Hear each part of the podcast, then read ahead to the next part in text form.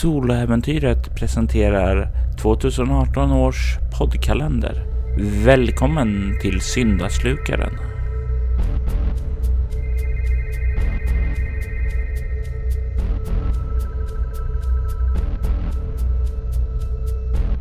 Hej! Mitt namn är Kristoffer Schenström ifrån podcasten Äntligen Spelmusik och i detta avsnitt spelar vi rollspelet Leviathan.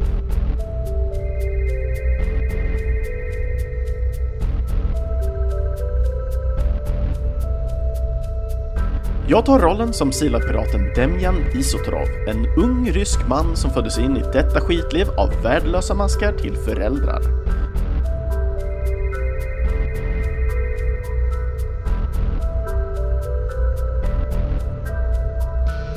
Räddningen kom då jag fann piratflottan Sila, mina vänner och bröder.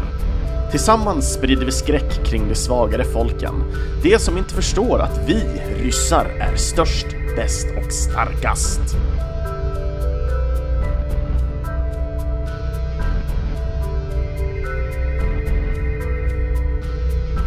Mina damer och herrar, välkomna till Ett skepp kommer lastat.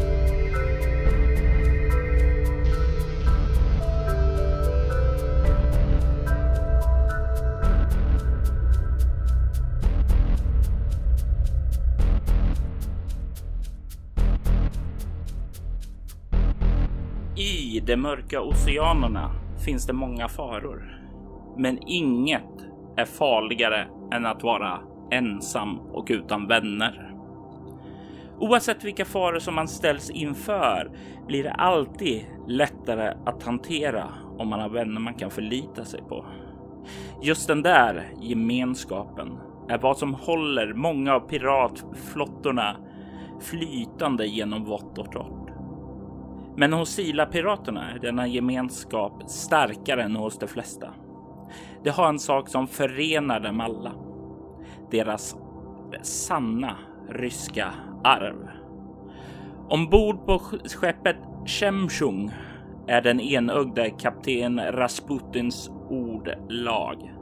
Han är en ärrad veteran inom Sila-flottan och har tillsammans med sin vänstra hand den fruktade Ilse som leder insatserna vid bordningarna av fienderna lyckats göra skeppet till en extra fruktat namn hos alla som inte har Sila-flottans beskydd. Det säger en hel del eftersom ett vanligt talesätt i havet om vanliga Sila-pirater är att ge upp mot Sila är som att skjuta sig själv i magen, i hjärtat och i hjärnan. Skeppet Chemchung dockade nyligen i megapolen Polaris. Den äldsta megapolen. Hit tar man sig då man behöver proviantera eller sälja plundringsgods. Det var länge sedan staden hade sin forna glans utan är hamnen nu åt smugglare, pirater och annat skumraskfolk som vill göra affärer. Just nu håller den unge Demjan på att bära ombord de sista förnödenheterna tillsammans med Ilse. De andra har tagit sig ombord och börjat påbörja de här förberedelserna för, som man brukar göra när man ska lämna hamnen och den enda egentligen som är kvar och som ni eh, väntar på är kapten Rasputin själv som begav sig in för att eh, leta efter nästa uppdrag för er att ta er an. Ilse eh, kollar på dig när du kommer in och ställer dig ifrån den sista lådan i hangaren och hon nickar åt dig och säger Demjan, duktigt jobbat. Ja, tack så mycket. Du har faktiskt eh, visat framfötterna på sistone och jag, jag, tycker jag säger att du har mycket god eh, potential. Skulle du vara intresserad av att eh, visa framfötterna? Självklart. Jag vill göra det bästa jag kan. Mm. Eh, tro mig, det har inte gått eh, undan för mina ögon att du har eh, tagit eh, din vrede till våra fiender många gånger då via bordet och jag tycker jag sett dig växa på sistone. Att bringa, bringa vrede till våra fiender. Ja, då, det kan de fähundarna ha. Ja, eh, bra. Nästa, nästa uppdrag så skulle jag vilja att du eh, tar hand om eh, ledarskapet för plundringen. Jag tänker att du får leda och jag finns där i bakgrunden tillsammans med andra mannarna. Men jag, jag, vill, jag vill se dig eh, när du tar dig an eh, det som vi gör bäst. Vad säger du om det? Det är en ära att få kämpa för Sila-piraterna. Och det är ungefär nu som ni kan se lite längre bort hur kapten är på väg tillbaka till eh, skeppet. Jag vill att du slår ett lätt slag med utstrålning kameleont. Utstrålning kameleont. Då ska vi se. Blir det en trea där? Ska vi se nu. Utstrålning är där, vilket är 6 plus kameleont. Där, 1, 3, 6, 7, Eh, 10 då. Det är ett lyckat slag. Eh, kaptenen eh, kliver ombord på um, skeppet och du tycker dig se att det är någonting annorlunda med kaptenen. Kaptenen är vanligtvis väldigt, väldigt stor och nästan yvig i sina gester. Bara ett vanligt sätt som man liksom skulle komma tillbaka skulle han bara Woha! välkomna ombord. Det är liksom den här lite grandiosa nästan stilen, men han har inte den nu, utan det, är liksom, liksom nästan som han är mer allvarlig, lite mer dämpad och han eh, nickar åt er och sen så kollar han mot Ilse och säger eh, se till att avsluta här så behöver jag prata med dig sedan uppe innan vi beger oss.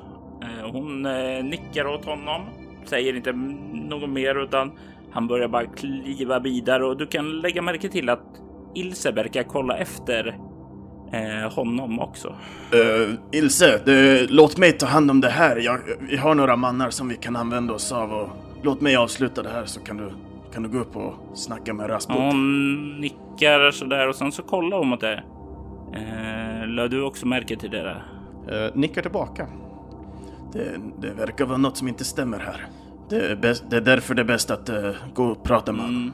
Mm. Mm. Var lite uppmärksam. Var det. Eh, jag, jag har en känsla av att någonting är fel. Var lite vaksam, min vän. Yes, det ska jag vara. Hon nickar åt dig och sen så liksom följer hon efter kaptenen. Jag tar och slutför egentligen sysslorna som är omkring, men som sagt, i detta fallet så var det ju lådorna i det sista inne, så det handlar väl mer om att eh, kanske kategorisera dem där de ska vara helt enkelt. Så säkra fast dem, spänna fast mm. dem om det skulle bli turbulent där så håller sig på plats. Dubbelcheckar också, se så att allting eh, är på sin plats liksom.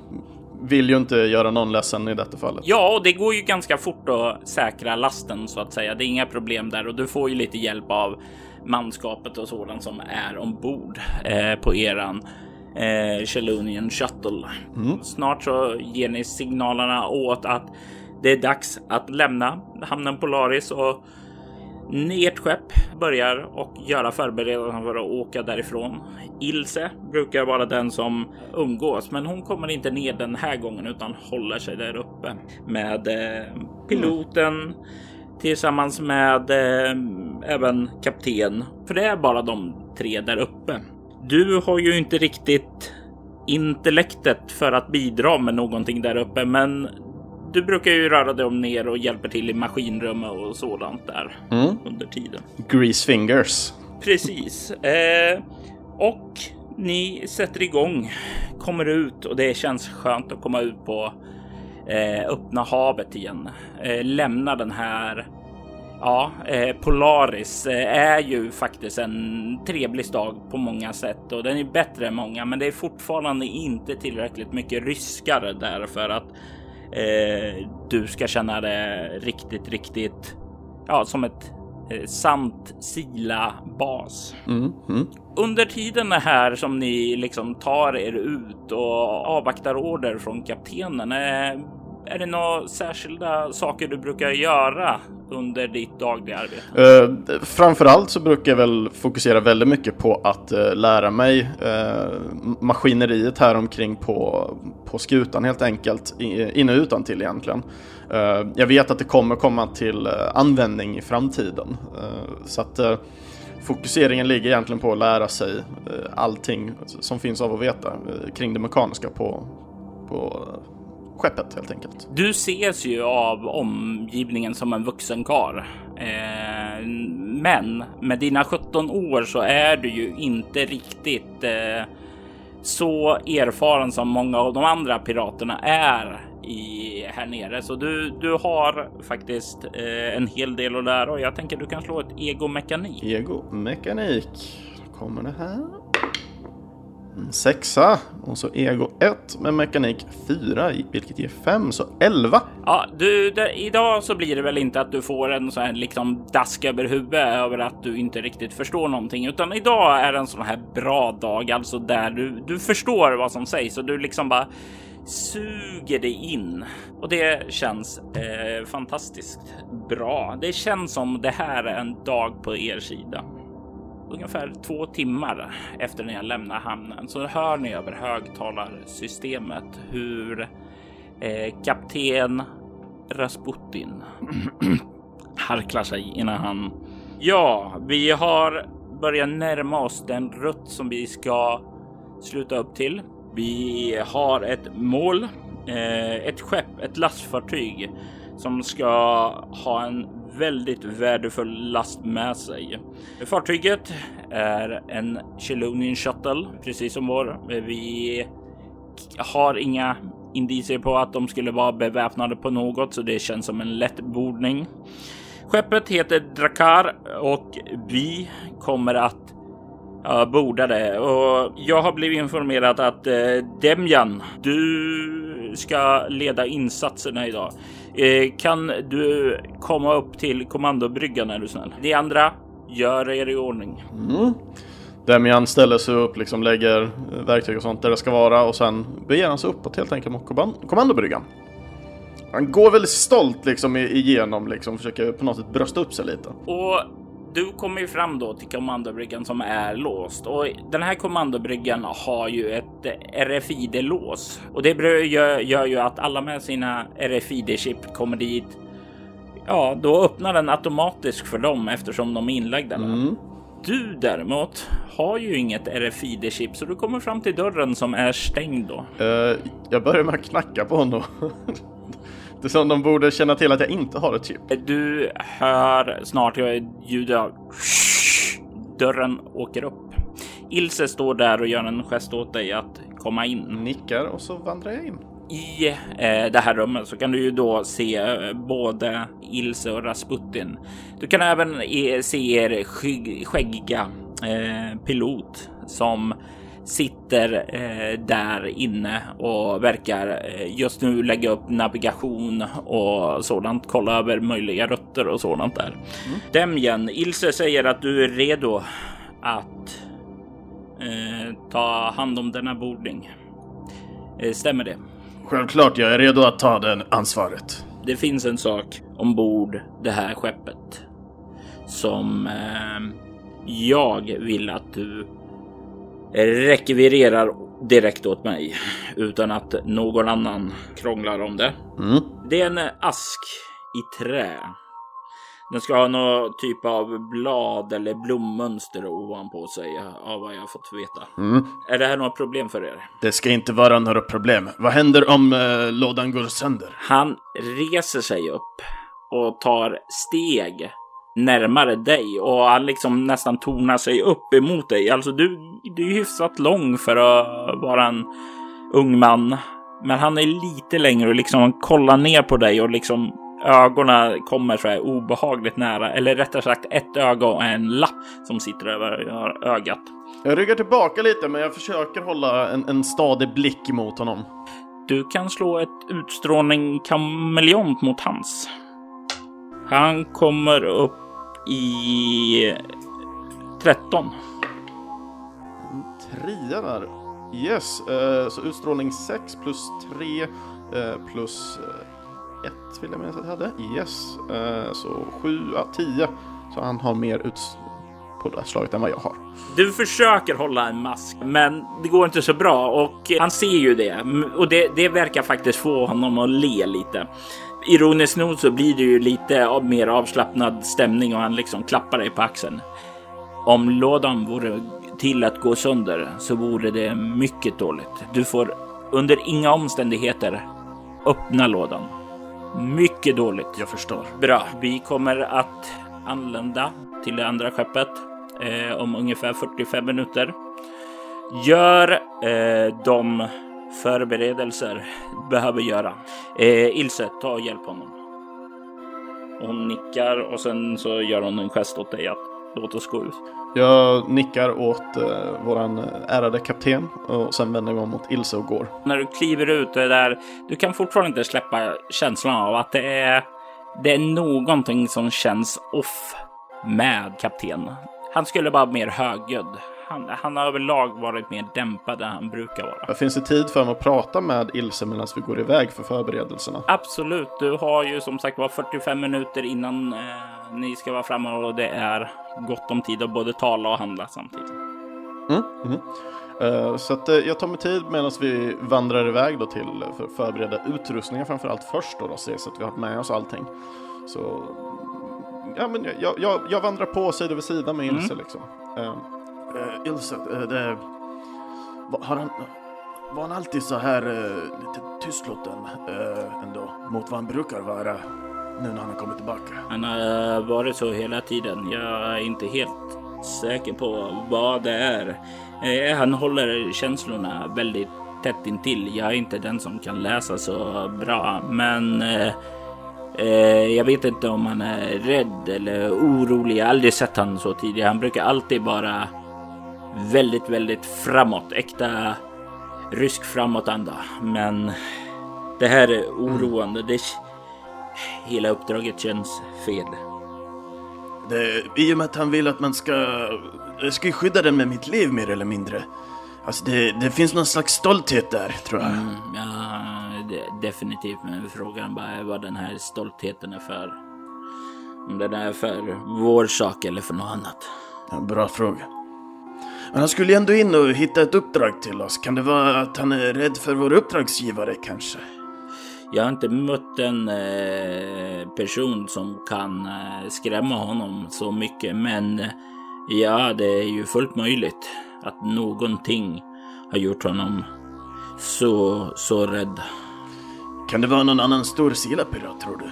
Som kanske vill ta över eller något? Det, det, det skulle ju vara, vara märkligt, men det skulle väl vara det enda som var rimligt. Han skulle ju inte bli rädd eller böja sig för någon annan. Eh, Exakt, ingen, ingen annan fähund heller. Och så spottar jag liksom ner, på, ner i gången. Hon eh, ser uppskattande på dig. Ja, nej men precis. Vi får väl, eh, som jag sa till dig, håll ögonen öppna. Vi, jag ska göra detsamma. Vi får göra vårt bästa. Jag ska absolut göra det. Eh, vi får se vilka, fick vi, får vi välja vilka som ska med själva eller uh, väljer uh, Rasputin ut dem också? Det är du som leder insatsen, du väljer. Toppen. Ja, och ni kommer ju ut där och eh, så här lastutrymmet, eh, mässen och sådant där är liksom folk är liksom är mest samlat. Hur går du tillväga när du börjar förbereda uppdraget? Jag tänker framförallt titta på utrustning, eh, se vad vi har att eh, undanvara egentligen inför bordningen. Sen vill jag titta liksom vilka skeppsmän egentligen som kan följa med, med på själva bordningen. Eh, själv indirekt så känner jag att eh, det hade varit jättenice att ha en eh, ganska bruiser-baserad eh, bordning. Så att man eh, kan eh, trycka ner dem snabbt liksom så att det går så smidigt som möjligt. Så att eh, som sagt, inget slags, något motstånd ska inte behöva komma upp. Allting ska redan tryckas ner från första början. Det brukar ju sällan vara eh, enorma motstånd ni möter på lastfartyg i sig. Alltså särskilt inte för de som har råd att ha rejält med försvar är oftast beväpnade eller åker i konvoj. Utifrån vad Ilse berättar när du går runt och planerar där så känns det som att det tillhör inte den kategori eftersom de åker själva. Vad ni har som kan eh, användas för snabbt slå ner är att ni har tre stycken ultraljudsgevär och det är ju soniska vapen som liksom snabbt slår omkull folk om man inte riktigt är beredd på det. Och sedan, ja, det, det dödar inte folk utan det är mer eh, crowd control vapen. Mm, mm. Det är väl eh, en bra sätt som, eh, vad heter det, Ilse eh, informerade om att ni har tillväg om ni snabbt vill försöka dämpa folket. Mm, mm. Min första tanke där är ju att eh, kanske inte så lätt att eh, crowd-controlla folk som är oberedda ifall man bordar någon, för det känns som man är ganska beredd då. Speltekniskt eh, är det att du måste lyckas på ett lätt slag med kropprörlighet för att inte stå upp. Mm, mm. Mer saker som du känner dig behöver att ta med. Ni har väl ungefär en besättning här ombord.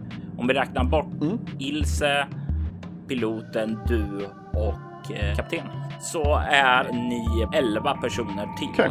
Det blir ju så att det går skador och så Mm. genom eh, grupperna och så, så alla är inte i fullt strittbar skick direkt. Så eh, just nu så har ni 11 personer minus en T3.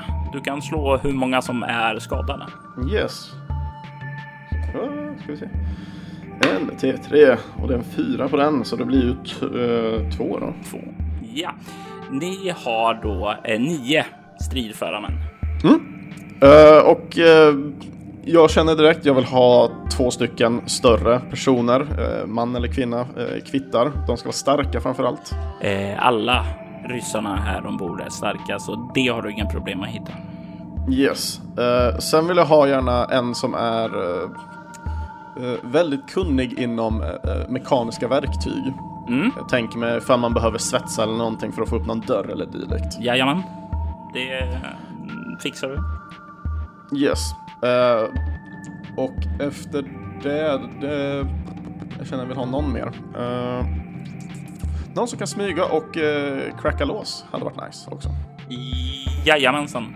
Eh, Kan röra sig i skuggan liksom. Mm. Ja, det är ju i och för sig inte en av eh, Sila-piraternas största styrkor, men det finns ju någon som är lite bättre än resten av gruppen på det. Och sen får du ju med Ilse om du vill. Vill hon följa med? Jag frågar henne faktiskt. Med tanke på att hon själv sa att hon skulle bevaka det så antog jag att hon skulle per automatik. Men det är kanske lite mer kutym kanske att faktiskt fråga. När du då ställer frågan, alltså, absolut, det ska bli intressant att se dig. Jag vill att du tar och slår en eh, ego stridsvana för att se om du känner att du har missat saker eller sådant eller andra saker som skulle kunna vara bra. Du har en specialisering här också som heter bordning, vilket gör att du får slå två tärningar. Yes.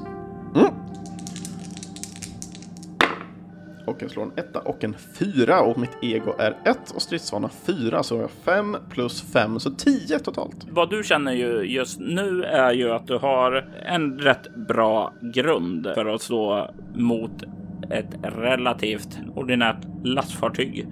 Du känner kanske att du, du, du har ju täckt in både mekaniker och någon som kan hacka lås. För det brukar ju kunna vara här RFID lås och liknande eh, som kan låsa in eh, the goods så att säga. Du känner att ja, men du har täckt det viktigaste här. Hur planerar du att gå tillväga eh, om det skulle vara uppstå kommunikation? En vanlig sak är ju att det är inte många här i Sillaflottan som bryr sig om att lära sig andra språk än ryska.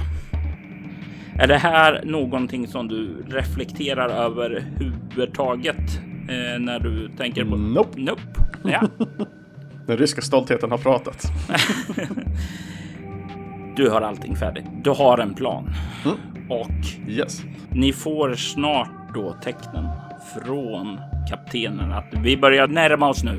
Gör er redo. Så jag ser till helt enkelt medan alla håller på och förbereder sig och allting. Ser jag så att alla har med sig sina vapen och allting också. Eh, där. Så vi är redo nu, kom igen nu mannar. De här ska få nu, de fähundarna. En viktig sak som vår kapten vill ha. Det är en låda. En trälåda. Den är min. Personligen ska jag leverera den till honom Ingen får titta i den, ingen får skada den. Är det uppfattat mannar? Du kan slå ett myndighetsslag, utstrålning eh, interaktion. Utstrålning och interaktion. Du, du, du kan faktiskt få plus två modifikation för du har ju faktiskt blivit tilldelad auktoritet av kaptenen och dels för eh, hur du sa det. Mm. Eh, så jag slår en fyra. Eh, lingvistik eh, sa du va? Jag ser så att det, jag hade utstrålning. Nej, interaktion. Där, interaktion, där, så. Eh, så utstrålning 6 plus 4 ger 10 plus interaktion på 1, vilket ger 11 plus de två som du sa för den auktoritet jag har fått. Så totalt 13. Eh, vi- visst, eh, ask åt eh, kapten. Eh, ask bärs av dig, ja. Ja, inte öppna, uppfattat. Bra mannar! Så, mm. När vi väl närmar oss själva bordningen i alla fall så kommer jag liksom bara Kom igen nu mannar, davaj, davaj! Och du känner stämningen är hög. Blodet börjar pumpa upp, adrenalinet börjar rusa. Ni känner skeppet, hur det liksom börjar manövrera närmare mot det ovetande offret. Och snart så känner ni också hur farten börjar accelerera då fiendeskeppet lägger märke till er. Det är nu dansen har börjat. Dansen eh, som alltid inleds. Hur ni cirkulerar närmare er ett offer och de försöker fly därifrån. Och ni börjar komma allt, allt närmare och er pilot.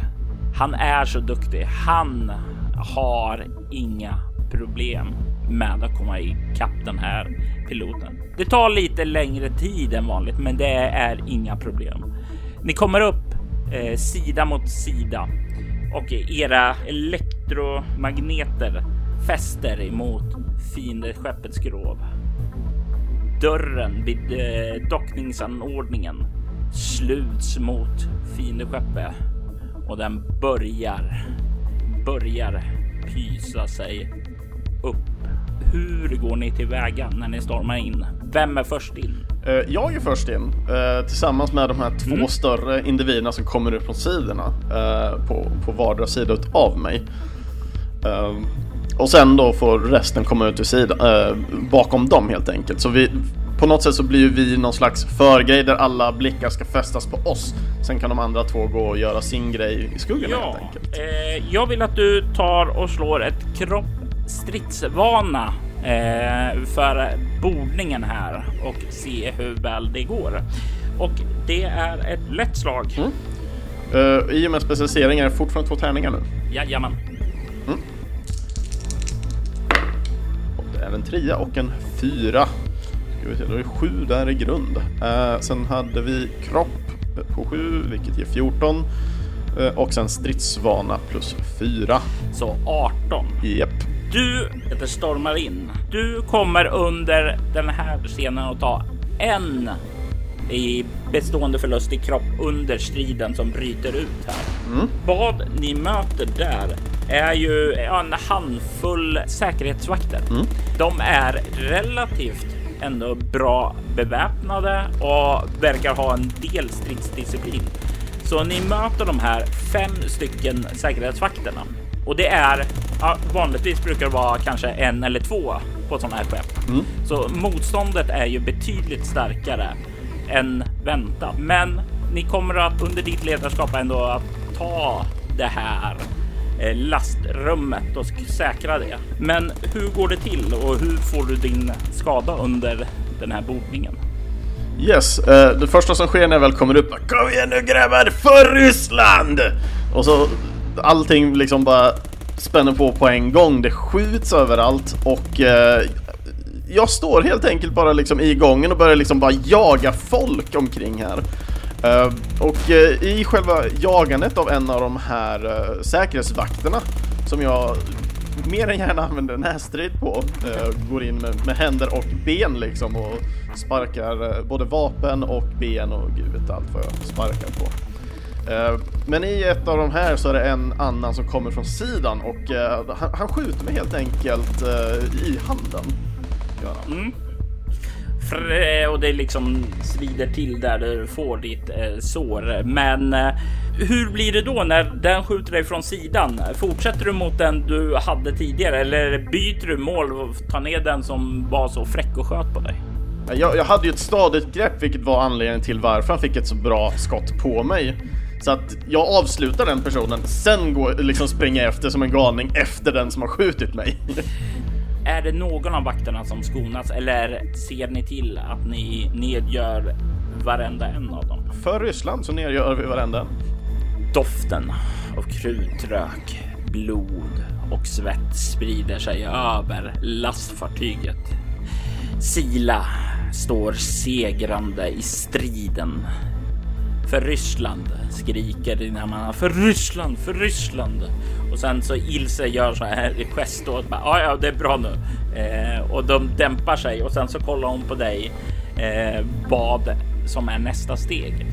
Du kan se vidare här att uh, ni består ju, står ju i lastutrymme. Det finns en del last här och sådant som uh, skulle kunna söka igenom och plundras och sådant.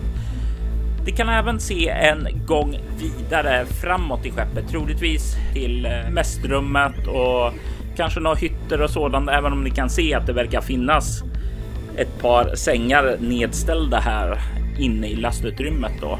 Fem stycken för de troligtvis för de fem säkerhetsvakterna som nu ligger massakrerade på golvet. Och cockpiten förstås längre fram också. Första tanken är väl att gå bort till cockpiten eh, så att det inte finns någon kvar där borta helt enkelt som kan göra några dumheter. Så att eh, jag tar en av eh, Brucersen eh, och mekanikern framförallt för att gå bort dit. Och du ser ju att dörren är låst. Det är ett RFID-lås där. Alltid de här jävla låsen. Eh, jag ropar istället på eh, han som hackar såna här istället. Ja, och han kommer skyndande. Vad är det för person? Är han gammal? Är det en man? En kvinna? Eh, Jag tänker mig att det är en man, eh, medelålder, re- relativt eh, härdad av både det ena och det andra. Jag tänker mig att han har varit med om väldigt mycket, oftast fått mycket spö för mycket styggheter han ändå har gjort. Kanske inte mycket våldsamma, eh, mer kanske kriminella grejer som har gjort att folk har slagit honom och dylikt.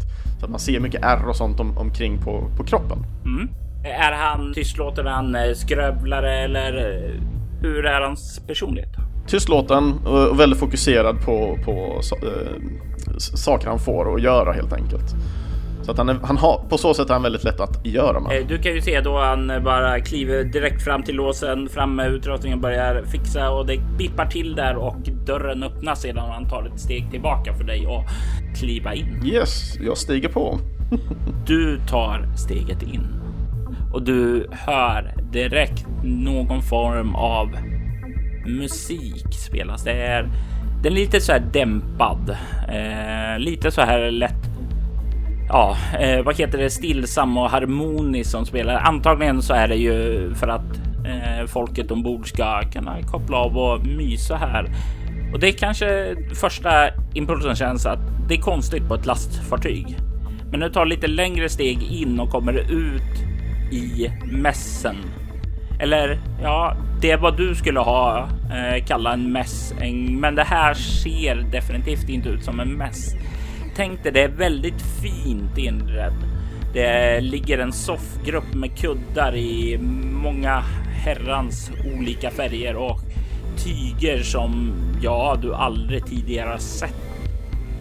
Du kan se en eh, fin litet eh, barskåp fylld med eh, olika spritflaskor och du kan även se en liten hörna med någon typ av ja, näringsgasstation och mm, ja, du har nog hört talas om det här i någon typ av kylskåp eller sådant, alltså där man förvarar mat som tuggas. Och det här är något som inte brukar vara något som du brukar få ta del av, utan den fasta föda som äter är ju ofta ganska ja, algröror, eh, grötaktiga saker. Men det här har jag hört talas om att det ska finnas fina saker som hela frukter och sådana här som, som definitivt inte är en del av din vardag. Nej. Du kan se det finns två stycken dörrar åt vänster till verkar två mindre rum.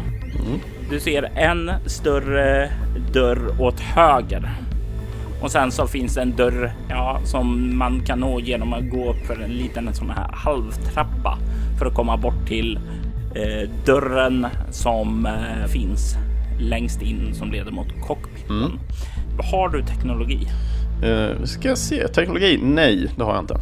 Ja, den har ett RFID-lås där i alla fall. Eh, de andra dörrarna verkar inte ha RFID-lås, utan de verkar ha.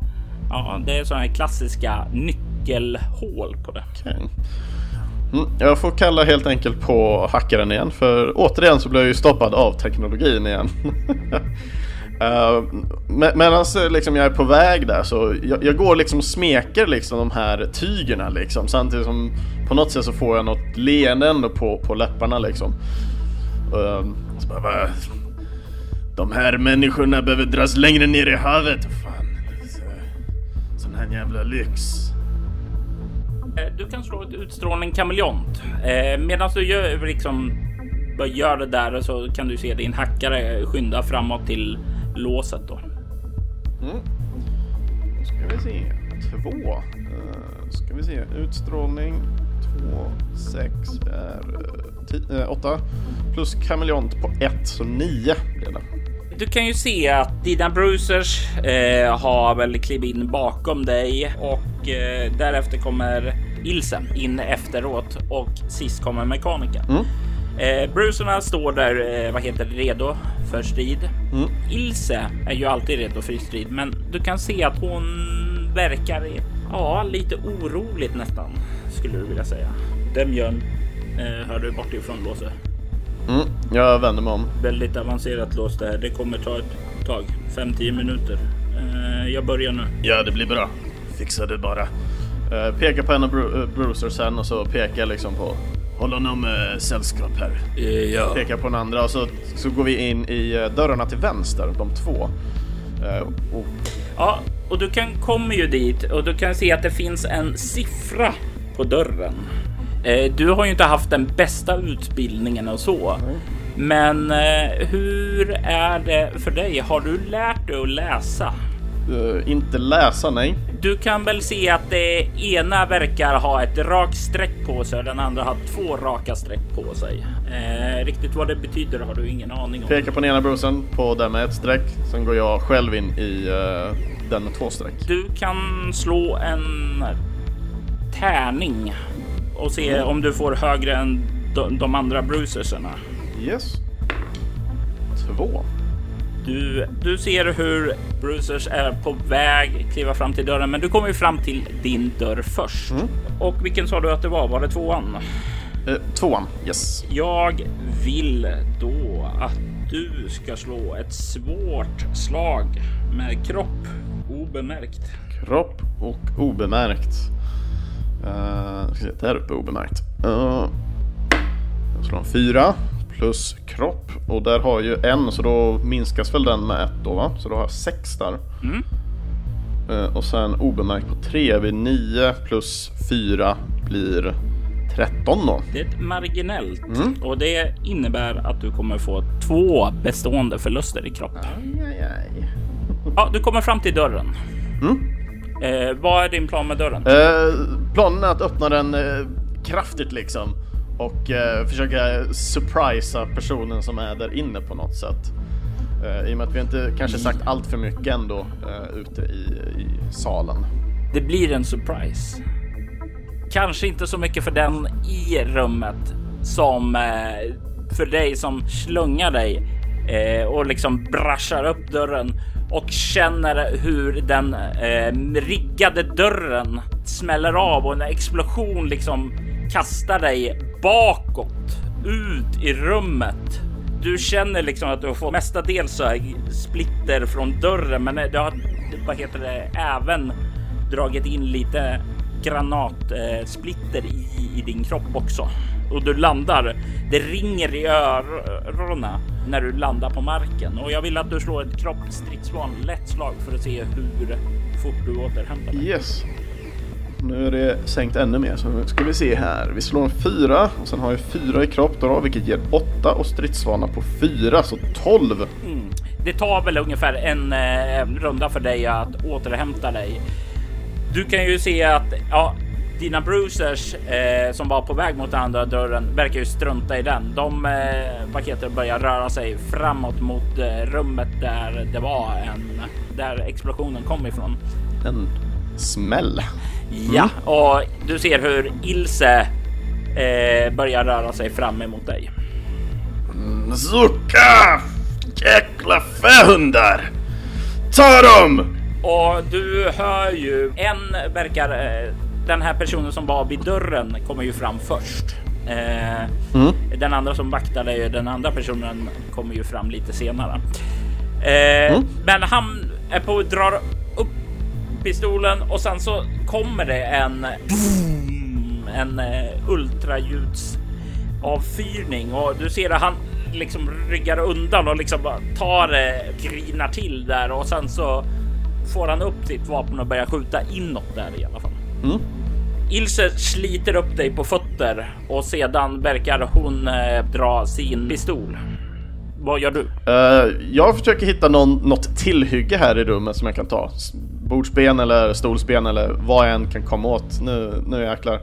Samtidigt som jag spottar lite blod liksom. Du plockar upp en av de här eh, dörrsplitter, en stor eh, liksom träbit ifrån dörren. Ja, den trädörr också. Jajamensan, det här är definitivt inte någonting som är vanligt. Trädetaljer är ovanligt nu för tiden när ni lever under havets yta. Men det här är inte ett vanligt lastfartyg. Du får upp det. Du kan ju se hur eh, Ilse börjar röra fram till ena dörrsidan, gör en gest åt den andra vakten att röra sig runt till den andra och täcka henne. Jag, jag, jag kanske inte springer fram, men jag börjar så här, gå framåt i alla fall mot, eh, för att vara då vid sidan av, på andra sidan av dörren som hon är. Mm. Och sen, sen tittar på henne, nickar och så visar med tre fingrar liksom och sen pekar inåt. Och det är liksom ni, både du och hon rör sig, rör liksom synkront in samtidigt som er eh, bruiser ger cover fire. Eh, och det kommer in i rummet och kan se att det är eh, täckt av rök. Yes. Du kan slå ett eh, slag eh, och du slår du ja, över två så kommer personen där inne att attackera dig istället för Ilse. Ja. Jag slår två. Ja, men då, då blir det väl så här att ni sakta rör in och kollar och plötsligt från ingenstans så ser du en gigantisk man. Han är ganska reslig. Han skulle kunna vara ryss eh, av utseende döma. Han är blond. Han har ett stort ärr i ansiktet och han är byggd för strid. Och du ser liksom hur han liksom kommer med en eh, knogjärn och liksom bara slår Ilse. Du kan ju se hur träffen där tar henne med överraskning och hon liksom ja, far tillbaka någon meter och liksom landar med ett brak mot eh, av väggen på andra sidan rummet. Snabbt liksom så tittar jag bort mot, eh, mot Ilse just så här när hon väl flyger över rummet. Eh, och jag bara Ilse! Och sen vänder jag mig tillbaka eh, emot då den här eh, gigantiska vakten som har kommit. Din jävla fähund, Zucka! Och sen går jag till anfall med eh, min trädör trädörr mot honom. Ehm, och med tanke på att han har någon typ av knogjärn och det så går jag till anfall mot armarna och framförallt den nedre delen av armarna. Och du har väl dessutom några egenheter som är relevanta när du slåss med improviserade vapen? Yes, jag har både egenskap och eh, specialisering. Eh, improviserad vapen och brutal. Brutal ger det väl plus ett på slaget och i eh, vad heter specialiseringen gör att du får slå två tärningar. Korrekt. Ja, eh, han har ett försvar på 14 som du ska över. Yes, då ska vi se hur det här går. Vi slår en femma och en trea så vi är uppe i 18 och då var det väl kropp också och närstrid då antar jag. Jajamensan.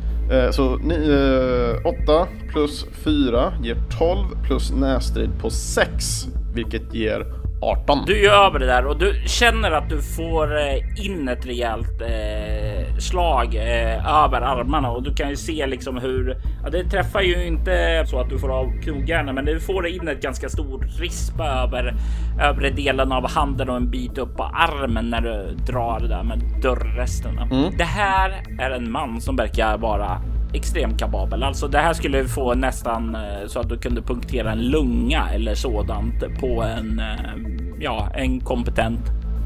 Mm. Inte så mycket honom. Han nästan liksom nästan som du inte får ens en reaktion ifrån honom, utan det är som om han nästan inte känner av den här smällen alls. Mm. Du kan höra bakifrån eh, hur eh, den här sista brusen eh, rör sig in nu. Mm. Eh, och kommer in, ser fortfarande inte riktigt så mycket här inne i det rökiga rummet. Du står ju så nära så du ser honom mm.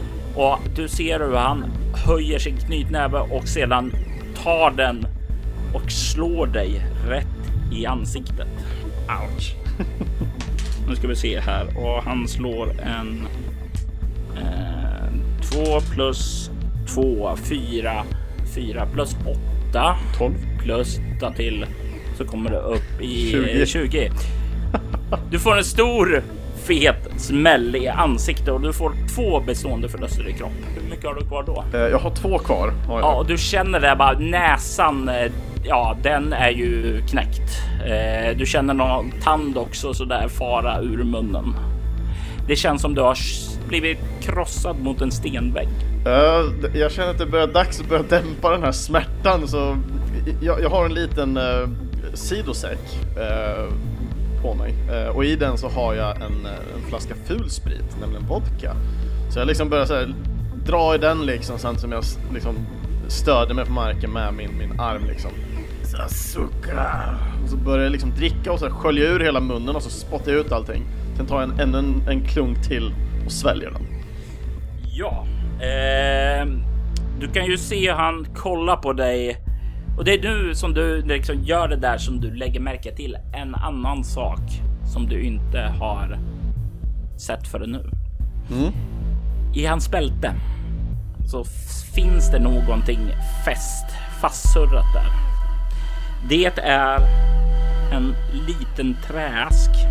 När du ser den här asken så det måste ju vara den här kapten Rasputin vill ha. Du kan ju se han liksom lyfter upp sin andra hand, inte den med knogarna utan den andra och avfyrar en pistol mot Brucern som kom in. Den personen liksom faller omkull samtidigt som Ilse kommer upp på benen. Sitter och funderar på en värdig strategi för att få tag i den här. Eh, som, inte, eh, som känns liksom rätt ryskt också. Jag liksom börjar så här, ta på vägen lite, så här, ta mig upp liksom. Eh, sen tar jag en stor klunk eh, vodka. Sen vill jag kasta flaskan på honom. Mm. Men jag behåller vodkan fortfarande i, i munnen liksom. Ja. Det, det, det svider utav helvete gör det med, med all den här eh, spriten liksom i, i alla sår ändå som är öppna i munnen just nu. Mm. Uh, och efter det här så är tanken att jag ska springa upp mot den här individen och sen uh, när jag är tillräckligt nära när han vill slå mig så kommer jag spruta ut uh, vodkan i ansiktet på honom så att han får både vodka och, och blod för att förhindra hans syn. Mm. Vi kan ju börja med att se kropp avståndsstrid för att kasta flaskan. Yes. Eh, kommer du fortfarande gå på improviserat vapen med tanke på att det är strid med flaskor? Eller räknas det bara för mig? Jajamensan. Okej. Okay. Då slår jag två tärningar här. Jäklar, det var inte jättebra. Eh, två och tre. Då ska vi se. Uh, vad sa vi nu? Vi sa avståndsstrid. Där har vi två, vilket adderar till sju. Och sen så har vi kropp också, eller? Jajamän. Mm, så två till. Uh, nio. Och det är ju en miss lyckas inte riktigt distrahera honom, vilket kommer få konsekvenser nu när du rusar fram och mm. han kommer att slå dig. Du sprutar ut din eh, vodka blandade sprit i hans ansikte för att förblinda honom. Han får minus två på attacken för det. Mm. Hade du lyckats med slaget där innan så hade han inte fått slå dig. Okej. Okay. Eh, och han slår nio Eh, minus 2 är 7 plus eh, ja, han får 23. Du eh, kommer fram till honom och eh, du skulle försöka få tag i asken. Yes. Hur går du tillväga för att få det? Du sprutade honom i ansiktet med blod och vodka, men vad var nästa manöver? Näst efter det var tanken att jag skulle ducka ner Och sen skulle jag ta en spurt förbi och ta tag i lådan samtidigt så att jag liksom får förbi honom. Vilket gör att han kommer vända sig efter mig och då ha mina kompanjoner eh, i ryggen. Mm. Så det var mitt syfte efter det. Du sprutar ut det, du duckar ner, försöker springa för att grabba det där och du känner plötsligt hur från sidan liksom någon tar upp dig och liksom drar upp dig i luften och slungar dig tillbaka in i rummet mot din bruiser-kompis. Mm. Ni båda faller omkull på marken. Du landar över på honom och du får två bestående förluster. De två sista uh, kroppspoängen jag hade där. Ryssen som har stått framför dig som du försökte ta, han som har asken. Han slänger dig över rummet som vantar och allting svartnar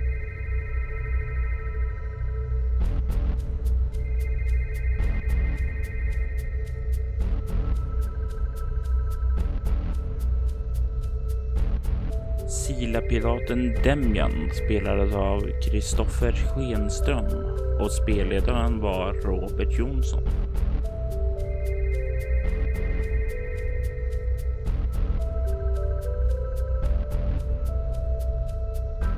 Musiken i detta avsnitt var gjord av Andreas Lundström och Abstract Assassinator. Syndaslukarens vignett skapades av Andreas Lundström.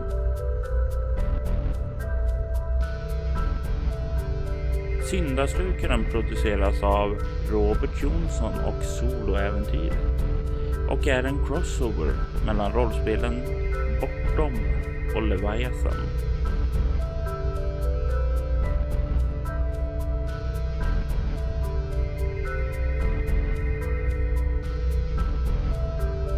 Äventyret finner du på iTunes, Bortom.nu och Facebook. Om du har lust att lämna ett betyg och skriva en recension om oss på iTunes eller Facebook skulle vi uppskatta dig djupt.